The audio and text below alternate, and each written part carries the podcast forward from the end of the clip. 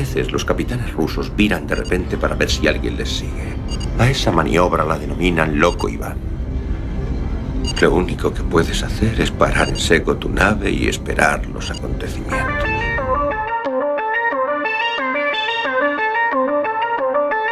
Galasphere 347 of Space Patrol calling unidentified ship. Good night,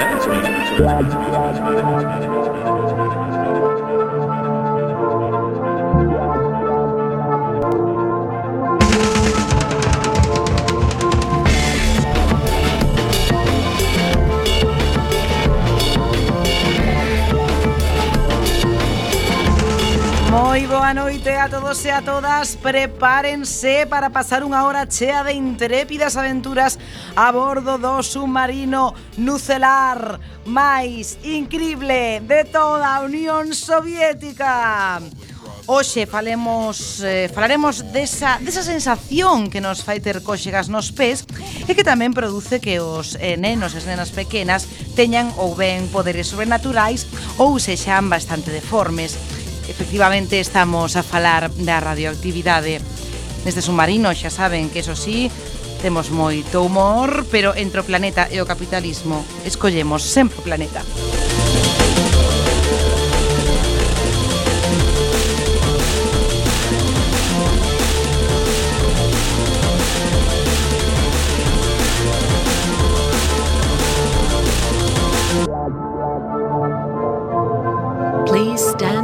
From the automated door and wait for the security officer to verify your identity.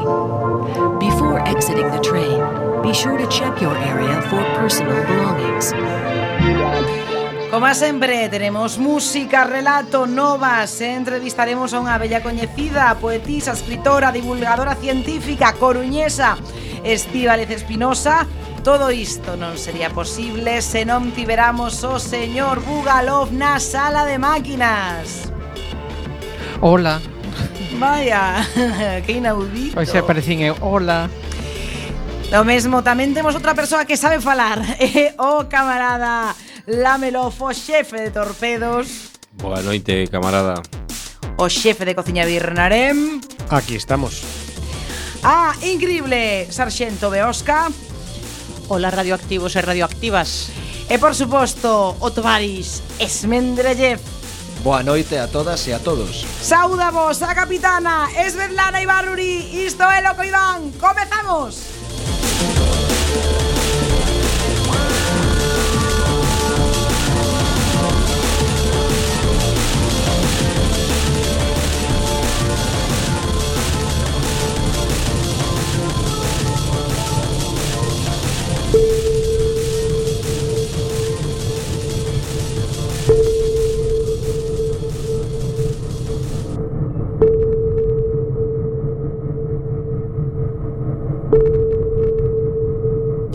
Comezamos a surcar a noite en Quack FM, pero antes de nada temos que facer un repaso ás nosas redes sociais e os teléfonos onde se poden poñer en contacto con nós porque inda que estemos no submarino, este submarino é bidireccional, queremos ter unha, unha canle de ida e volta con vos. Así que, Esmendrellev, por exemplo, que estás mirando para algún lugar indeterminado, teléfonos. que es esto? Sí, sí, sí. Bueno, como dicíamos, podedesnos chamar 881012232 para decirnos todas esas cousas épicas que teñen que salir dos vosos peitos. E peitas. Eso en directo. Completamente. Ben. E, eh, en caso de que querades torturarnos por redes sociais, podedes nos mandar WhatsApp ou Telegram o 644737303. Bueno, non son redes sociais, son Telegram e WhatsApp o 644 737 303 De acordo, podemos melloralo todavía. Se nos di o oh, camarada Lamelov Twitter, Facebook. Pois moi simple, só con arroba diante de loco Iván Cuac. Perfecto. Pois tras isto, eh, o imperio xa está completamente desmoronado eh, así que vamos a facer un repaso moi breve pero moi interesante por todas as noticias que se escaparon dos grandes medios capitalistas esta semana. Por exemplo, el Correo Gallego que din eh, que se filtrou eh, pois mm, unha, unha carta así moi rara na que dicía gracias, hemos acabado con Martiño Noriega bueno, pois fixeron isto pero sin embargo non se acordaron de noticias importantísimas como relacionadas co Stalker, non? Pois sí. Pois arriba periscopio.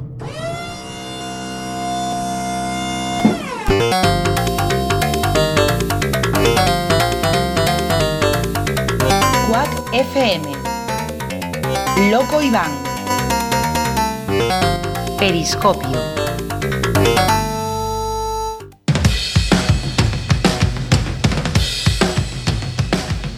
xa hai data para Stalker 2, eh, precisamente o glorioso videoxogo ambientado na zona de Chernóbil e inspirado na película do mesmo título de Tarkovsky, que é unha obra mestra. O videoxogo tamén. Despois de moitas peripecias, o desenvolvemento continúa e saída de lanzamento que será a comenzos de 2021, ou seja, dentro de 40 anos máis ou menos, que non falta nada eh, a triloxía de Stalker é considerada como a que mellor ambienta a contorna de, de Chernobyl, precisamente, nun videoxogo polo menos. E non sei se lembrades que preparaba unha serie de Wheel of Time, a saga literaria de Robert Jordan, que é o precursor do martinismo, é dicir, que morreu antes de finalizar a historia completa, como lle vai pasar a George R. Martin. O caso é que xa hai protagonista para unha das personaxes principais que mora en Sedai, unha das protagonistas, vamos, das principais AS Sedai, que é unha, unha especie de, bueno, de, de bruxas que será interpretada por Samun Taik, a actriz que interpretou a Midun en Perdida. Ainda que a saga literaria interminable, con máis de 20 libros, o primeiro Ollo do Mundo é do mellor da literatura fantástica dos últimos anos. Eh, e, bueno, semella que parece que vai estar só ambientada a serie no, no primeiro libro. Blade Runner, o mítico videoxogo de hai anos, pode xogarse en ordenadores actuais gracias ao emulador gratuito de aventuras Scam, que permite xogar as aventuras clásicas de Sierra, Lucas e outras compañías legendarias. Eso necesitas ir á web de Scam e seguir as indicacións para poder instalalo e disfrutalo. E hai malas novas para a humanidade en xeral, xa que a segunda parte de O Resplandor, sí. titulada Doutor Soño, sí, este é o novo tráiler. E a obra ten pinta de ser bastante merder. A obra mestra do cine, como mellor, vamos, como mellor do braxo español da historia, terá unha nova entrega sen que, bueno, pues, salvo sorpresa de última hora, vai a dirixir a Kubrick, que morreu xa hai, claro. hai uns anos. Bueno, botade un ollo... Bueno, tiempo de oh. descuento, pode bueno, ser, eh? pode ser capaz de por aí. Pero a pregunta que hai que facerse a de sempre, era necesario facer isto? e acaba de ser unha nova plataforma de pago, nesta ocasión específica para películas de terror.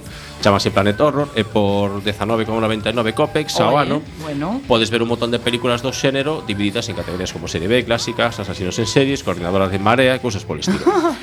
pois iso, que ahora aparecen plataformas a esgalla, hai que ter todas para poder ver todas as sí, series. todas. E acaba de ser un videoxogo que ten moi boa pinta, ou polo menos o título é moi bo, que chamase Death Monarchy, eh, o sea, morte a monarquía, ou bueno, monarquía morta, É un xogo de rol táctico por turnos de fantasía medieval e inspirado noutros xogos como XCOM, Jagged Alliance e, sobre todo, Battle Brothers. Está en acceso anticipado en Steam e custa 7 denarios e medio. En Battle Brothers los hermanos se matan? S hermanos, los hermanos monárquicos. Batalla os hermanos de guerra. Eh, Steam hmm. Division 2 marcha para o oeste, para o leste, e dicir para a fronte soviética, e trata un videoxogo de estrategia a gran escala que agora representa pues, o escenario soviético da Segunda Guerra Mundial. Escenarios grandes, combates por turnos e certas doses de realismo.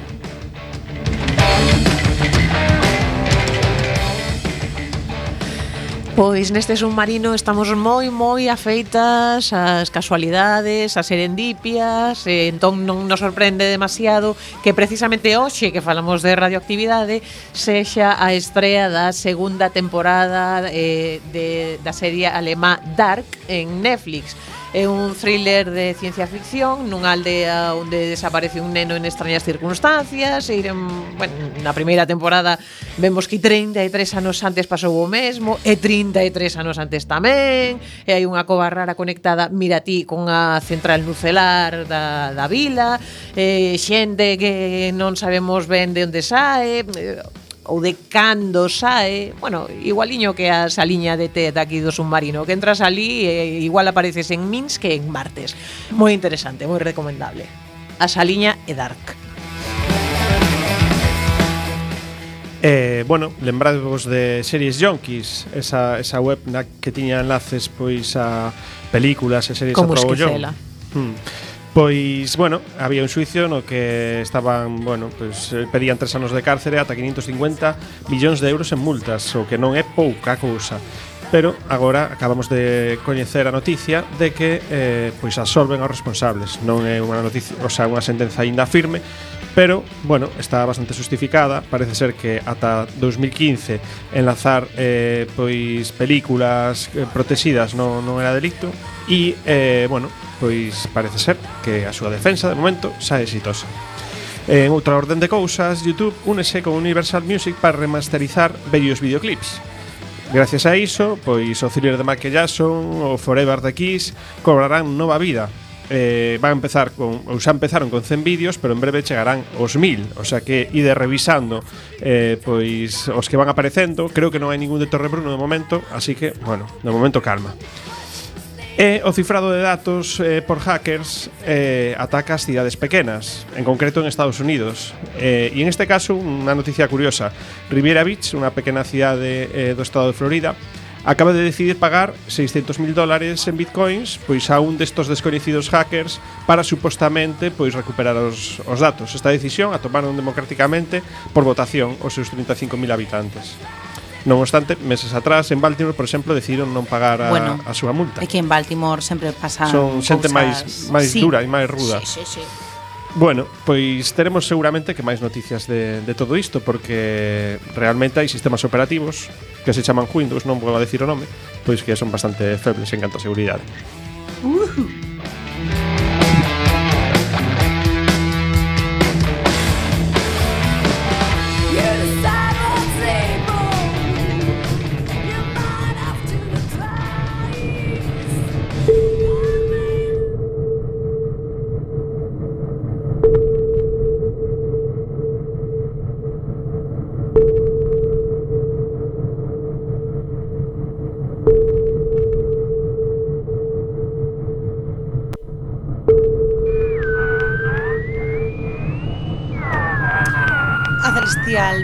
presenza do señor Bugalov Estamos xa na sala de radio É momento da música, por suposto mm, E que escolleu hoxe totalmente azar que teña que ver coa radioactividade? Pois pues dúas cousiñas. A primeira xa xa vou lanzando dúas cousiñas que atopei na cociña. Oh.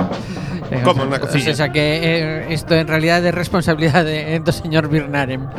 Eh, pois este é un tema que de, de eh, Peter Scott Peters mm, sen novas do ano 61, pero que atraio porque se chama Fallout Shelter eh, como os afeccionados aos videoxogos de móvil saberán é un, é nome dun videoxogo baseado na mítica saga Fallout pero que para así como para entreterse.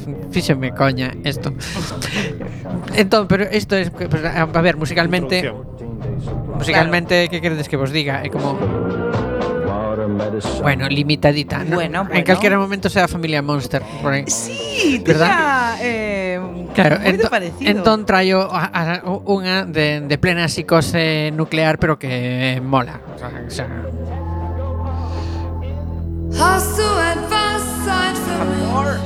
Porque Alemania mola, ah, mola máis Alemania Oriental, pero uh, sí. Ah, bueno, re, teño que dicir, teño que recoñecer de todo que estas cancións as tiña Birnarem na cociña, pero as atopou a camarada Beosca e as trouxo. As... É que tiña fame e estaba buscando na nevera e xa postos. Mm. Esta, esta sí que eh, sí que mola porque fala dun malentendido nucelar que acaba como el Rosario de la Aurora, o sea, pois mal. Pero a canción mola. para ser 280.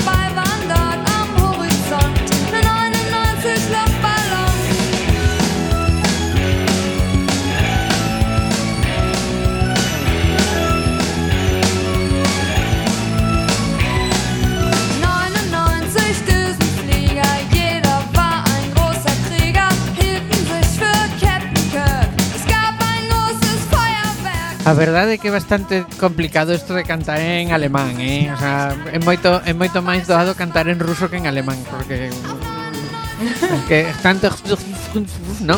Como sí, bueno. Por eso perderon. Eh, comunicaban ben entre vidas. Sí, bueno, será iso.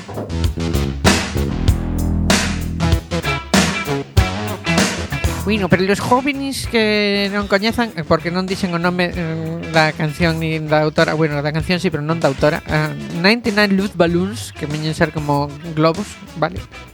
Estes alemán son así de globo luz balloon o sea, É eh, unha cousa así super que intuitiva. Eh, A cantante intérprete que fixo unha versión en inglés tamén Pero que perde moito eh, eh, Chámase Nena. Pero esta parte que é como, é como un videoclip así que de- a tía. Balón de patadas era dos globos luchando en un sitio, en un escenario de guerra. Vale, yo lo recordaba como en una eira. Pero puede ser.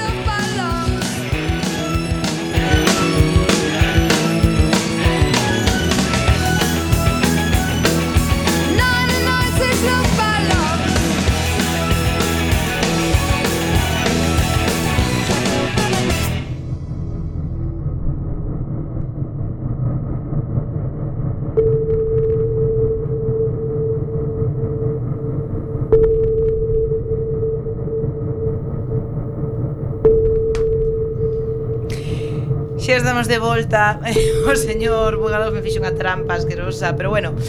Eh, que temos que facer agora? Pois cando xa pasamos pola sala de radio, agora nos vamos cara a biblioteca.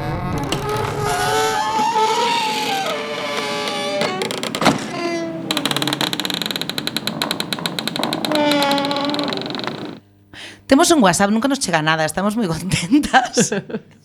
De unha persoa de nome descoñecido eh, chamarémola Bueno, pois bueno, Pedoris. chamar, eh, sí, Doris. Eh, Pedoris? Ou Boris. Eh, que Boris, bueno, ou como que la era. Ou Cunquiña de Ribeiro. Efectivamente, que nos di que temos unha cociña ben molona. Efectivamente, claro, sí, sí, sí. Eh, totalmente falso esa aseveración eh, que non estiveches aquí. De feito, te invitamos a vir calquer día que queiras a probar a cociña do xefe de cociña Birnarén, que é xefe porque só quedou, só quedou el na cociña. eh, bueno. Eh, nos vamos coa biblioteca. Por suposto, temos aquí o señor Otovarixes Mendrellev, que vai facer unha especie de ritual absurdo eh, no que vai escoller eh, no que vai escoller un libro que seguramente teña que ver algo de alguna forma con radioactividade. Bueno, capitán, e dicir que esta vez o traio preparado porque consultei o Itching eh, tendo en conta demais a forza da marea que estamos no sexto mes, que quedan dois días para acabar o mes e que a O e a décima letra se empezamos polo final do alfabeto, al menos en algún idioma. Sí. Pois vou escoller este relato que empeza por O que se chama O Abismo de Chicago. E que ten que ver coa radioactividade porque está ambientada nun mundo que sufriu unha guerra nuclear e que foi escrito por eh, Gay Douglas Bradbury, eh, que é unha persona que todos os que amamos a ciencia ficción coñecemos e, e veneramos, morreu fai xa uns aniños no 2012, co cal uh -huh. pues, foi unha gran perda para, para a literatura, escritor estadounidense de ciencia ficción e de misterio, que é coñecido sobre todo por Crónicas Marcianas, que tivo mesmo unha mediocre adaptación á serie británica fai uns anos aí polos 80 e tamén pola novela Fahrenheit 451, que igual tal vez esta se xa máis, máis coñecida, non? Bueno, eu coñecía a 452, pero bueno. A 452 tamén está moi ben. Con dúas versións cinematográficas esa. Pero a ver, eso é un pouco como o, o whisky este de 101 pipers, non? Igual igual é un duplicado do país. No, bueno, non sei.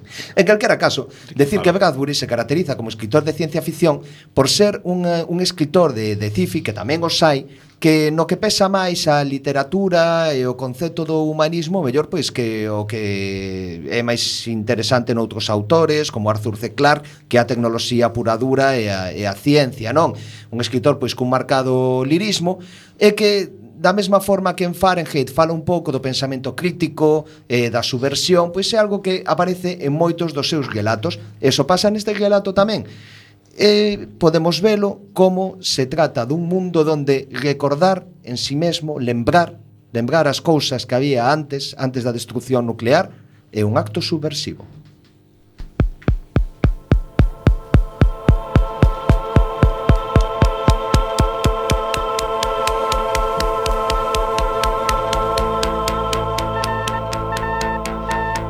Bajo un pálido cielo de abril, con un leve viento que disipaba el recuerdo invernal, el anciano entró en el parque casi vacío a mediodía.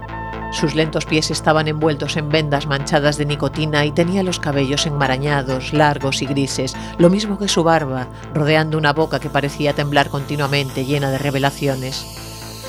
El anciano miró hacia atrás como si hubiera perdido más cosas de las que podía empezar a recordar allí, en el montón de ruinas ante la desdentada silueta de la ciudad. Al no encontrar nada, siguió arrastrando los pies hasta que localizó un banco ocupado por una mujer solitaria. La contempló, asintió con la cabeza, se sentó al otro extremo del banco y no volvió a mirarla.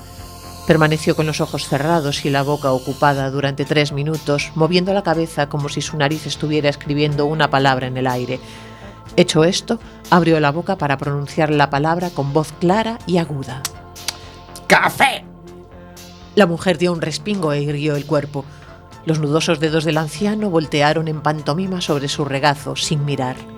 Gira el abrelatas, envase rojo, brillante, con letras amarillas, aire comprimido, envasado al vacío, se daba como una serpiente. La mujer volvió la cabeza como si la hubiesen golpeado para contemplar con horrorizada fascinación la lengua en movimiento del anciano. ¡Qué perfume, Dios mío! ¡Qué aroma! ¡Qué olor! Exquisitos, oscuros, maravillosos granos brasileños, como recién molidos. La mujer se puso en pie de un salto, tambaleándose como si acabase de recibir un tiro y se agarró al respaldo del banco. El anciano abrió los ojos de par en par. No, no, yo no quería. Pero ella echó a correr y desapareció. El anciano suspiró y reanudó su deambular por el parque hasta encontrar un banco donde estaba sentado un joven completamente absorto en la tarea de envolver hierba seca en un pequeño rectángulo de papel fino. Sus delgados dedos moldearon la hierba tiernamente en un rito casi sagrado, temblando mientras enrollaba el tubo. Luego lo colocó entre sus labios e hipnóticamente lo encendió. Se reclinó hacia atrás, bizqueando de placer, comulgando con el fétido aire que invadía su boca y sus pulmones. El anciano contempló el humo exhalado disolviéndose en el viento de mediodía y dijo: ¡Chesterfield!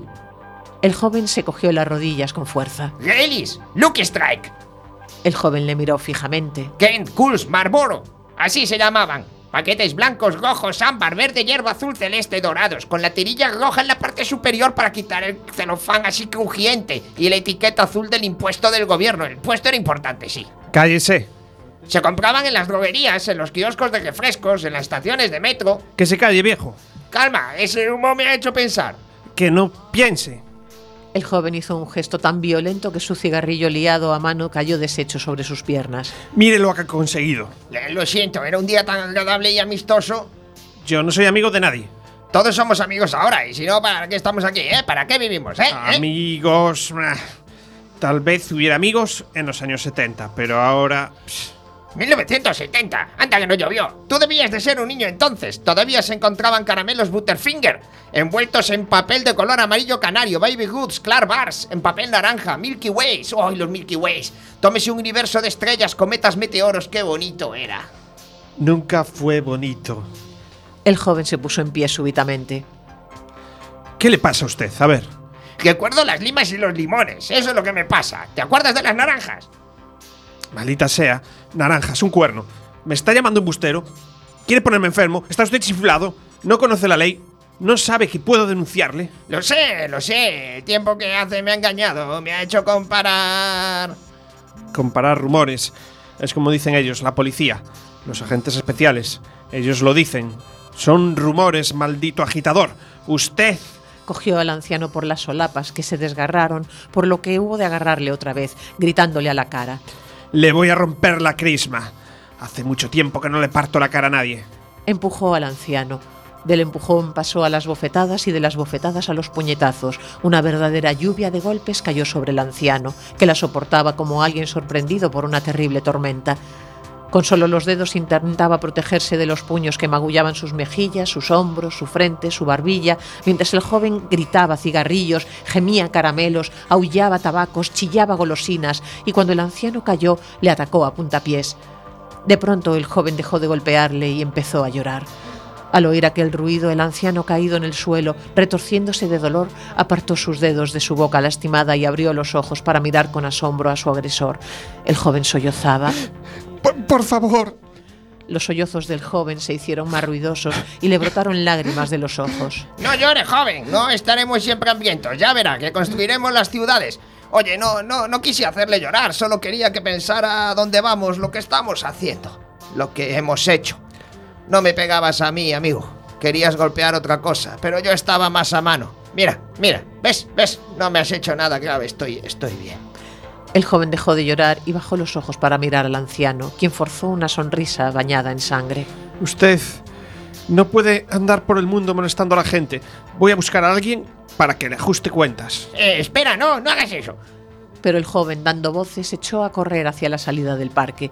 Semi incorporado, el anciano se tentó los huesos, encontró uno de sus dientes caído entre la gravilla, lleno de sangre, y lo cogió tristemente. Estúpido. Dijo una voz. El anciano miró a su alrededor y hacia arriba. Un hombre delgado de unos 40 años se apoyaba en un árbol cercano, con una expresión de cansancio y de curiosidad en su alargado rostro. Estúpido. El anciano le miró con asombro. Ha estado usted ahí todo el tiempo. ¿Y no ha hecho nada, cacho cabrón? ¿Qué debía hacer? ¿Luchar con un tonto para salvar a otro? Bueno, no, seguramente no. El desconocido le ayudó a levantarse y sacudió el polvo de sus ropas. Solo peleo cuando vale la pena hacerlo. Vamos, le llevaré a mi casa. El anciano volvió a mirarle con asombro. ¿Y eso por qué? Ese muchacho regresará con la policía de un momento a otro. No quiero que le encierren, es usted un producto muy valioso. Había oído hablar de usted y le buscaba desde hace varios días, y he tenido que encontrarle presentando uno de sus famosos números. ¿Qué le dijo al muchacho para que se enfadase tanto? Uy, le hablé de naranjas y de limones, de caramelos y de cigarrillos. Estaba a punto de recordarle con todo detalle los juguetes a cuerda, las pipas de breza y los cepillos de cerda cuando hizo caer el cielo sobre mí y me dio un abrigo de palos. Casi no se lo reprocho. A mí mismo me están entrando ganas. Vamos ya, oír una sirena. Y salieron rápidamente del parque.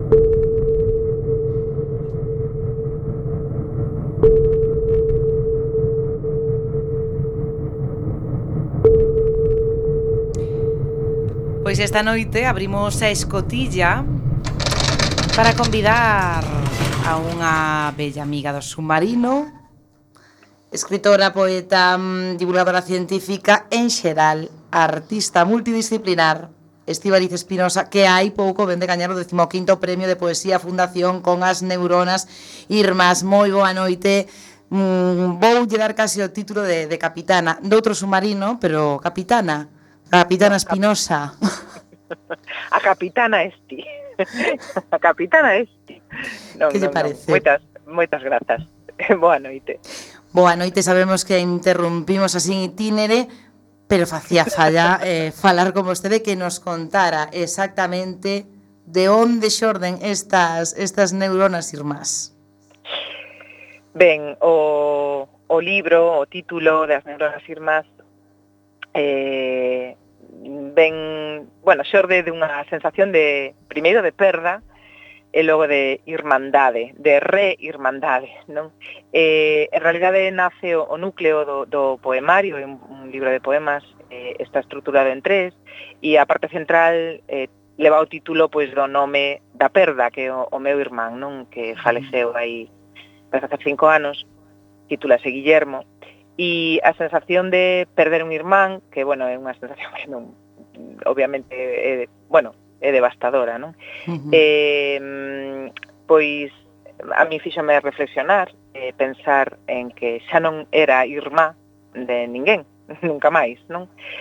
Pero ao mesmo tempo, pois, eh, recuperar tamén a irmandade, outros tipos de irmandade, non? Que nos unen, pois, a, a outros seres vivos, ou mesmo a, bueno, a, a similitudes eh, que tamén é unha especie de irmandade, non? Que poden existir, por exemplo, pois entre a, a malla neuronal, é dicir, o entramado que parece ter o noso, o noso cerebro cando se observa así eh, rebanado, e, por exemplo, pois a, o fondo cósmico, non? O, o, a distribución das galaxias. Existen imaxes que falan dese paralelismo, desa especie de, de similitude que hai entre moitas estructuras vivas e non vivas. Eh, daquela o libro foi collendo esa forma non de, de diversos tipos de irmandade e mesmo tamén xogando coa idea pois da, de, de outros tipos de, de inteligencias, non incluso a inteligencia artificial na última parte de, do poemario. Estivali destacaba o xurado que a escolleu que vostedes soubo rachar coa diferenza que les vían entre a literatura, entre as letras e as ciencias. Isto descubrir no xurado, pero nos que a coñecemos xa sabemos que moito tempo que vostede rachou esa diferenza se que existe, porque o mellor efectivamente o único que fixo foi pois sacar un velo que había aí. Mm, bueno, eu non rachei nada. a min que non me boten a culpa. xa estaba roto. xa estaba rota a figuriña cando eu a collín. Eh, eu non rochei nada, leva, leva, hai moita xente que leva facendo iso pois dende o tempo dos gregos, non? Se xa nos poñemos así estupendos. Eh, non, o que o que si é certo eu non era consciente de que escribía moitas cousas que tiñan que ver con fixo notar xente, eh? porque eu non, non escribía coa idea de, bueno, vou escribir sobre letras de ciencias, ni moito menos. Non tiña ese programa na cabeza, pero si é certo que moita xente me dicía, jo, tía, faz moitas alusións aí a, o que sea, cuestións de astronomía, que me interesaban ou de matemática ou tal. E fun sendo consciente. Eh, é certo que, a ver, non, non podemos dicir que, pois non sei, as ciencias e a literatura se xan o mesmo. Obviamente non, hai un, bueno, cuestións de metodoloxía e iso, pero sí é certo que si sí teñen cuestións en común eh, e nacen da curiosidade, eh, tanto para, para escribir unha novela ou un poema ou un relato, eh, temos que ter activada non sempre a, a curiosidade e tamén para interesarnos pois, por como é o mundo que nos rodea, non? Se nos interesa a física ou a bioloxía ou a, a anatomía dun cangrexo, pois eh, temos que sentir tamén certa empatía, ademais de curiosidade, non? poñérmonos na pel mm, doutros, non? E pensar ás veces con outros cerebros, non? Como pensará pois un, un unha lura, un polvo, que se lle, un, un insecto. Eh, daquela creo que teñen eses puntos en común. Despois, bueno, difiren noutras cuestións eh, eh, a universidade, a compartimentalización, a academización de cada unha das disciplinas fixo o resto. É certo que, que hai moita xente que trata de de xunguir esas aparentes dúas culturas, non que no fondo pois, son unha mesma cultura única e que creo que deben de ter igual importancia. Estivaliz, ademais das neuronas irmás que Vamos, yo recomendamos a todas as persoas que nos estén escoitando, pero que máis estás facendo últimamente porque sabemos que hoxe falamos de radioactividade, ti non eres radioactiva, pero mm, Pero sí, chegas sí, así, sí, que son. sí, ah, bueno, bueno, pois pues nada, pois pues entón sí. Pois pues a, agora Todos falaremos. Somos radioactivos, e eh, sobre todo os galegos, non, que estamos rodeados de radón por Bueno, partes. eso é certo. Eh, moi, sí, moi certo. certo. Sí, eh, ah, a non, eu eh, non, non sei ata que punto son radio, radioactiva, pero é certo que sí me, me eh, interésame eh, a radioactividade eh, como, como, como punto de transformación, non como esa, esa mutación que opera, mm, ás veces non como nos gustaría, claro, pero ten puntos interesantes. Sobre todo creo que é interesante saber que, que bueno, todo o universo que nos rodea é sumamente violento e as radiacións sempre no, nos freirían se non tivésemos esta protectora atmosfera, non? É, é unha cousa que ás veces non pensamos, dicimos, non, se a á lúa ou tal, non podemos respirar, non, primeiro acabamos fritos pola radiación e logo xa se tal morremos por non respirar. Claro, se pero bueno, primeiro pri...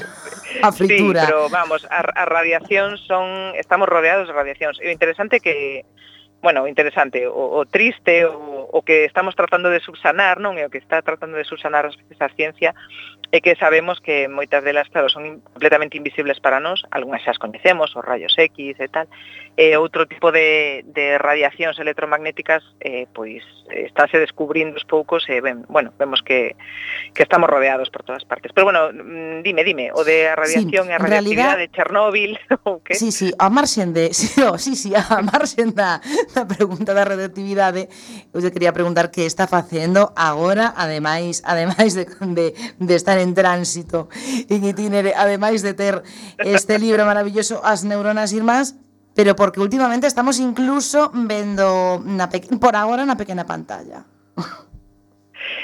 Eh, sí, agora rematei a tempada de Zigzag, que estaba de, efectivamente facendo unha colaboración con Zigzag diario, pero unha colaboración quincenal. Bueno, pero sobre literatura e ciencia. e eh, acaba agora en verán. E, bueno, acabei de feito esta semana. E agora, pois pues nada, estou aí devendo cousas, devendo cousas literarias, e tamén artellando cousas para a última parte do ano que seguen tendo que ver, e perdón. Disculpade. E o radón, non pasa nada. Estou aquí irradiando cousas. Bueno. poñedesme nerviosa, caramba, eh, moito me impoñedes neste submarino, eh? non se pode respirar. Bueno, eso xa é por outras cuestións, pero porque está moi cerrado, oreamos pouco, entón, pois, bueno, oye notase aquí a, a claustrofobia, a presión. Estou impresionada. Pois eh, dicía que, que para a última parte do ano teño aí un proxecto con hai cuestións de ciencia e literatura que espero levar a cabo. xa tos me deixa vivir. Estivali, unha pregunta se pode, se pode respondela se, se a tos non permite. Eh, fáganos unha recomendación, que eu sempre que ven algunha, algunha persoa de alta cultura como vostede, sempre lle pedimos fáganos unha recomendación literaria, ademais das neuronas irmás, ademais de todo o que ten vostede no seu haber, pero fáganos unha recomendación para este, para este verán. Pois acaba de ser traducida ao galego, tamén se pode ler en castelán, Rachel Carson, que é unha, eh, é unha bióloga, xa morreu, eh, bióloga mariña e eh, unha das primeiras naturalistas, eh, de feito ecoloxistas, poderíamos dicir, dos anos 60, norteamericana, que se chama Rachel Carson. Ten un libro precioso que se chama O sentido do asombro. Eh? E é unha recomendación que fago, creo que para bueno, pois para estar así a beira do mar, ela fai moitas alusións ao océano e a bueno, pois a, a a plenitude que se sente sendo un ser vivo eh, xa de calquera especie, eu creo que xa, ela xa non fai distincións eh, si es eso, pues un, un ourizo de mar, unha estrela de mar ou un, un homo sapiens que se sente no, no océano, non? E creo que ese sentido do asombro eh, é unha, pode ser unha boa lectura para este verán. E por último, quería lle preguntar ou case facer unha reflexión, porque vostede, eh, que é unha gran divulgadora Sexa do que no. sexa, sí, sí, sí, aquí, vamos, aquí eu son capitana, perdone, o sea, hasta non son marino, bueno, usted, vale, vale. se queda co que eu lle diga, usted é unha devoradora... A súas ordes. Eh, pues, efectivamente, pero... usted ten que, ten que ir dando conta, este, este aroma do submarino embriagador por algo. eh,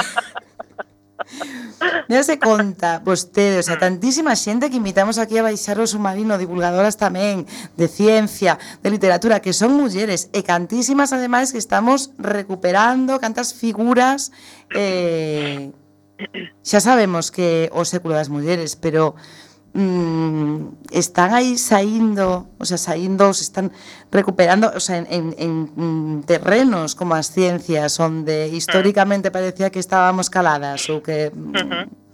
que pasa? Sí. sí, claro. Eh, as ciencias é un dos grandes territorios inexplorados, non inexplorados, pero que mm, no que hai cantidade de figuras eh, descoñecidas que teñen achegas fundamentais. Hai unha web que tamén recomendo, se me permitides, eh, Mujeres Conciencia, que leva a Marta Macho Stadler, eh, que é unha web que precisamente dedícase a sacar petróleo, non é a sachar aí de, eh, pues de mulleres históricamente, tanto mulleres Mm, mm, pois da antiga, non sei, da antiga historia, da, do, do renacemento, do clasicismo, eh, como actuais, e eh, que eh, conta pois eso, as súas achegas, aportacións eh, a ciencia. Eh, moitas delas que eran polímatas, é dicir, mulleres que se dedicaban un pouco pois, a filosofía, a ciencia, a literatura, a, non sei, era un pouco de todo non sei, como o caso de Emily du Châtelet, por exemplo, que era, ademais de todo iso, eh, marquesa e amante de Voltaire, pero era coñecida máis como amante de Voltaire que como eh, matemática e traductora, por exemplo, dos Principia eh, Matemática de Isaac Newton eh, ao francés e, bueno, introductora un pouco no continente, no resto de Europa, deste, desta obra de Newton. E como ela, pues, tantísimas mulleres, Emi eh, en matemáticas, autora dun teorema fundacional, eh, no campo da astronomía, que no que máis podo coñecer, Jocelyn Bell, que vai estar, por certo, uh -huh, certo, o ano que ven vai estar no 2020 no Congreso de Astronomía Estatal que vai se celebrar por, se vai celebrar por primeira vez en Galiza, na Coruña en concreto, e vai estar convidada eh, Jocelyn Bell, que foi a descubridora do primeiro radiosinal eh, dun pulsar eh, nos anos 60, ou como ela a Vera Rubin, por exemplo, que foi a que fixo, a, fixo as observacións que deron lugar a, pois a, ainda a polémica e que non goza aínda de consenso eh, na comunidade científica, pero bueno, que parece que ten visos de ser eh, verdade, si que a verdade chegamos a, a, a ela algunha vez, se, se chega algunha vez a ela eh, a través da ciencia, que é do que se trata, eh, eh, gracias ás súas observacións teorizouse sobre a materia escura, que seguramente escoitouse falar algunha vez, non da materia escura que compón boa parte do, do universo e como ela moitísimas outras. A verdade é que na literatura imos coñecendo tamén moitas máis voces, eh, pero creo que é fundamental que tamén fagamos labor eh, de, de seguir desentrañando pues, o, as achegas das, das mulleres da ciencia. Mm.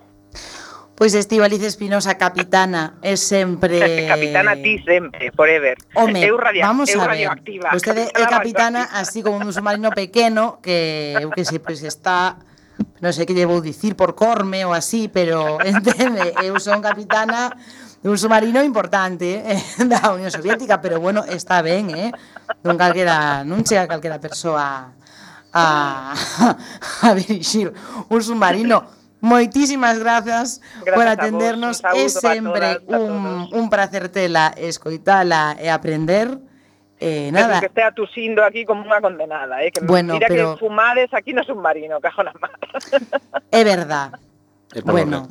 Eh, bueno, eh, eh, eso é polo reactor, é eh, por, bueno, pola falta de higiene de algunhas persoas do submarino, eh, Birnarem. Espero que non bueno, sexa de, de radiación, porque, bueno, eh, e Chernobyl, non sei se estades falando de Chernobyl, creo, ou ides falar, non? Do, Estamos falando, do tema. de, efectivamente, o avexo moi moi expelida, eh, este, dixo, bueno, radioactividade, seguramente toque en Chernobyl. Quere dicirnos sí. algo de Chernobyl antes de antes de marchar? pois sí, ademais vai quedar fatal, porque isto vai quedar en plan, vengo aquí a hablar de mi libro.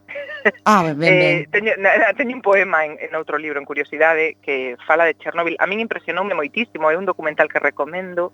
Eh, eh, o título era en francés era Chernóbil unha historia natural e falaba eh, bueno, eh, o poema non vai diso, eh? o poema realmente vai de, de, de fertilidade, da fecundidade da, mm, dunha muller que cree que xa ten que xa é Chernóbil, non? Que xa está arrasada e que xa non pode ter fillos nin ter descendencia, pero que non é así, non? Eh, entón, bueno, con esa metáfora de Chernóbil como lugar arrasado, utilicei porque polo visto agora Chernóbil está cheo de vida, dende que os sí, seres humanos sí. marcharon, pois ali campan as súas anchas, alces, osos, mm, lobos, bueno, coellos e todo tipo de de animais grandes e pequenos, eh, moitos deles son as doses de radiación altísimas, pero que seguen reproducíndose, tendo descendencia e vivindo alegremente. Ali no que era Pripyat, non? Bueno, a zona de Pripyat, o Bosque Vermello, e todo que era a zona de exclusión, non? A zona Uh -huh. eh, do, pues, do, non sei se son, non sei cantos kilómetros son exactamente agora, alrededor do, do desastre do reactor nuclear. 30.000, eh, aquí o, o, me, me lo dicen, me lo dice así con para que lo diga yo, para que se note que para que se note capitanía, pero en realidad é cousa aquí de do camarada. Lamelov. Sí, sí, sí, pero bueno, 30.000 como eu dicía. Mm, Ujú. Pois ese, ese lugar, eh, creo que é un lugar que asombra a todo o mundo, aos biólogos e biólogas en primeiro lugar, porque é un lugar no que contra todo pronóstico eh, florece a vida. E aparte diso, eh, bueno, é un, é un exemplo de as consecuencias, claro, da, dos desastres nucleares, da, de como flúe a información eh, cando acontecen estas cousas, eh, bueno, supoño que de todo iso falaredes vos moito mellor a min e con moita máis información e datos. Non crea, pero pero sí, imos sí, falar. Sí, sí, estou segura. Estaré encantada de escoitarvos e aprender. Pois Estíbaliz Espinosa, moi boa noite boa e noite moitas gracias por estar aquí. Grazas. Grazas. Hasta logo. Aperta a todos.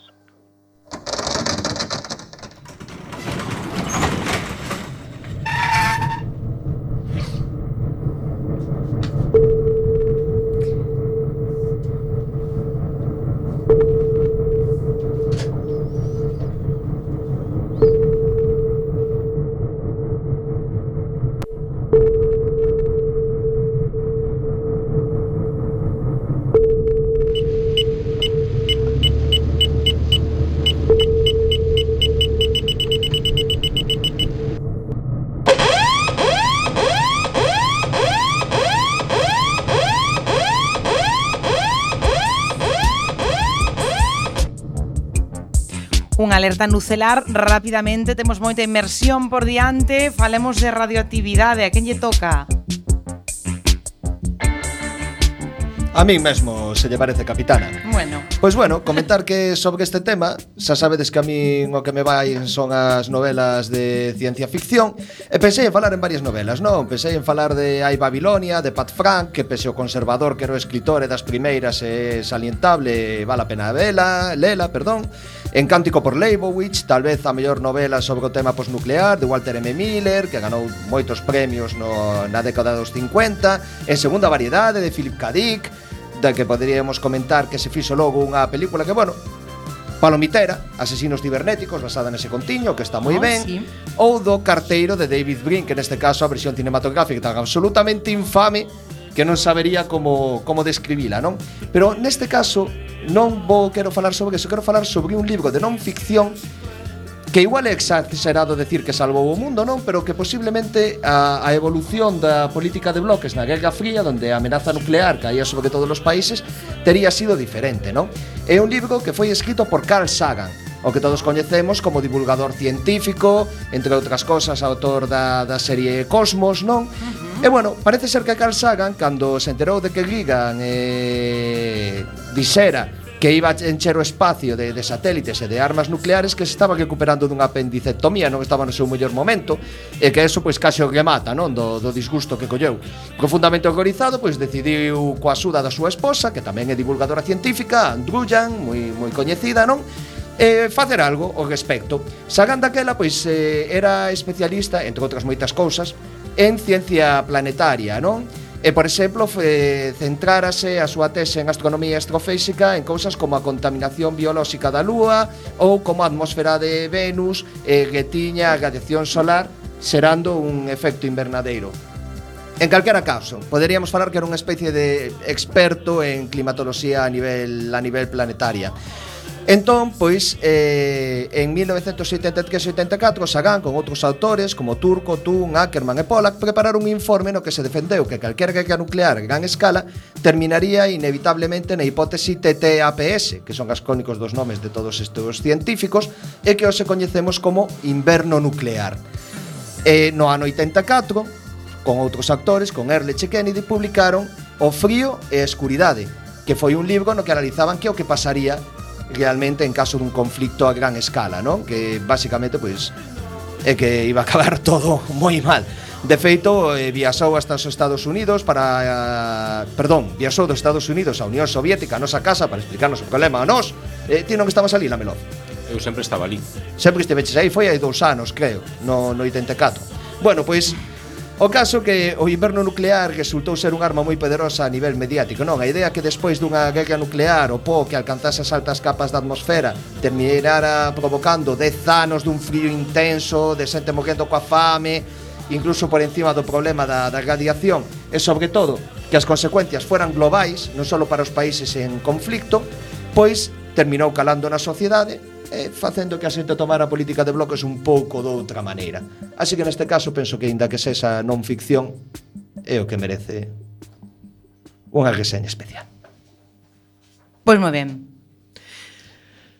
Bueno, eh, non podemos pasar nin un programa sen falar do noso querido Terry claro. Pratchett Que sabedes que traballou uns anos como relacións públicas dunha central nuclear dis que desta época aprendeu a desconfiar tanto do xornalismo como das centrais nucleares Eh, resulta que o escritor Ian Watson, que era moi amigo del, contou nun encontro de ciencia ficción, fantasía e terror que de entre as notas de prensa que redactou daquela Pratchett había algunha desta guisa. Vexamos, Houve un pequeno accidente, pero un moi pequeno. O máis probable é que non se poidan volver bañar en augas inglesas nos próximos 70 anos, pero foi un accidente pequeno e divertido.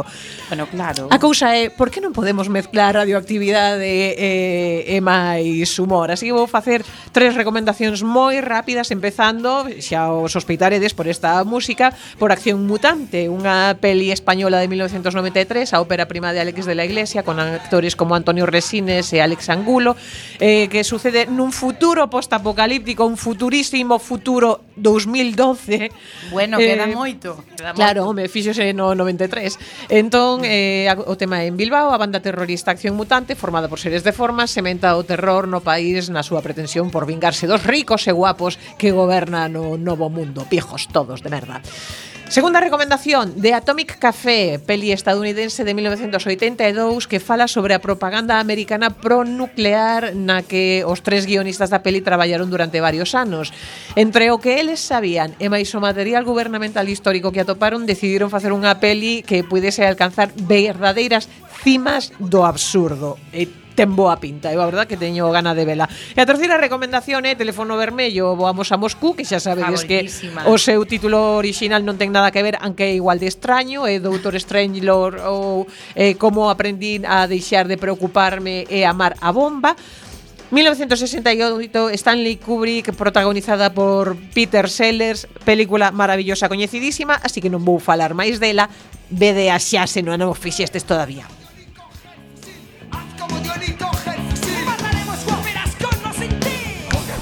Eh, bueno, eu como non pode ser de outra cousa eh, Vou a falar de sonhos de ordenador. Ah, non, vou a falar de manga En este caso que ten moito que ver co, co nucelarismo.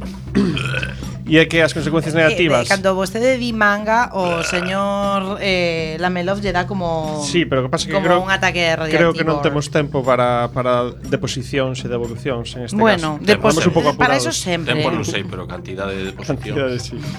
Bueno, O caso é que, bueno, esta é a banda sonora de, de Akira eh, Pois eh, unha das mellores películas manga Ou polo menos unha das máis famosas. E, eh, bueno, pois hai referencias nucelares Porque digamos que viven en Novo Tokio Que é surdida das cinzas de Tokio original Que foi destruída por unha enorme bomba nucelar. Eh, tamén o grande Miyazaki ten referencias a contaminación e desastres nucleares, como por exemplo en Nausicaa do Vento. E hai un caso curioso, que é o de Faeton que de Royoko Yamagishi, a ver se o digo ben. É un manga de 1988 inspirado no desastre de Chernóbil que narra o que pasaría en Xapón si Casualmente, pois sucedes bueno, un desastre nuclear similar. Tiveron que similar. esperar un pouco máis, pero Tiveron que esperar un pouco máis, pero a historia acabou acabou dando a razón a, ao autor e, eh, eh, o caso que o autor entrou en grande depresión porque o me dixo mm, que non entenderon de todo isto. Eh, ya lo había dicho, yo lo había predicho. Dicen, eh, Tamén é moi importante eh, pois, eh, un, un manga eh, que se chama Un F de Kazuto Tasusta que ensina as labores de limpeza desde dentro, é dicir, un manga feito polas persoas que participaron dentro do, do desastre nuclear. De e, Fukushima, neste caso. Eh, no. E para rematar, pois non todo é antinucelarismo en Xapón. Eh, o capital manda e hai temai, tamén mangas pronucelares. En este caso, pois vou a sacar un, un caso curioso que é o mini diccionario da Central Nucelar de Arale, creado polo propio Toriyama que en este caso xa nos cae un mito ou se tambalea un pouco, financiado pola propia Kepco, que é a responsable da, da empresa Fukushima como motivo do Día da Enerxía Nucelar, ese, ese día tan bonito que todos e todas celebramos. Bueno. E dou paso a, a noso camarada Lamelov.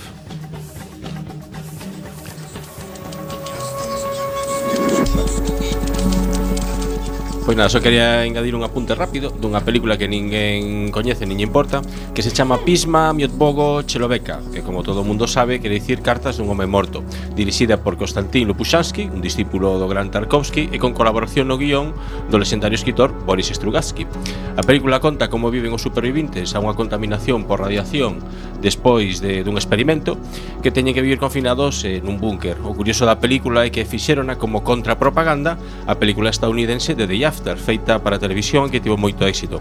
Falaba dunha, dunha guerra nucelar provocada por un ataque soviético, pero saúlles, digamos, a, aos nosos compañeros, aos nosos camaradas, ellos unha película pois de calidade e ben feita, co cal non a veu nin Lenin. Entón, é unha película recomendable porque é moi boa, pero digamos que como contrapropaganda foi un desastre total, porque as, o cine de autor é o que ten, sabes?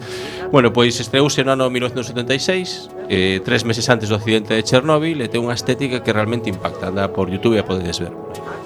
Muy ben, veremos. Pois nada, que nos vamos, que teñan moito cuidado co radón, pero de vez en cando se tomen un chupito, por que non? Oh, oh, oh, e nada, e que nos vemos a semana que ven, que os queremos moito, que fumen tomaco, e, e que visiten Chernóbil. E nada máis, bicos que beban vodka con moderación, os queremos moito.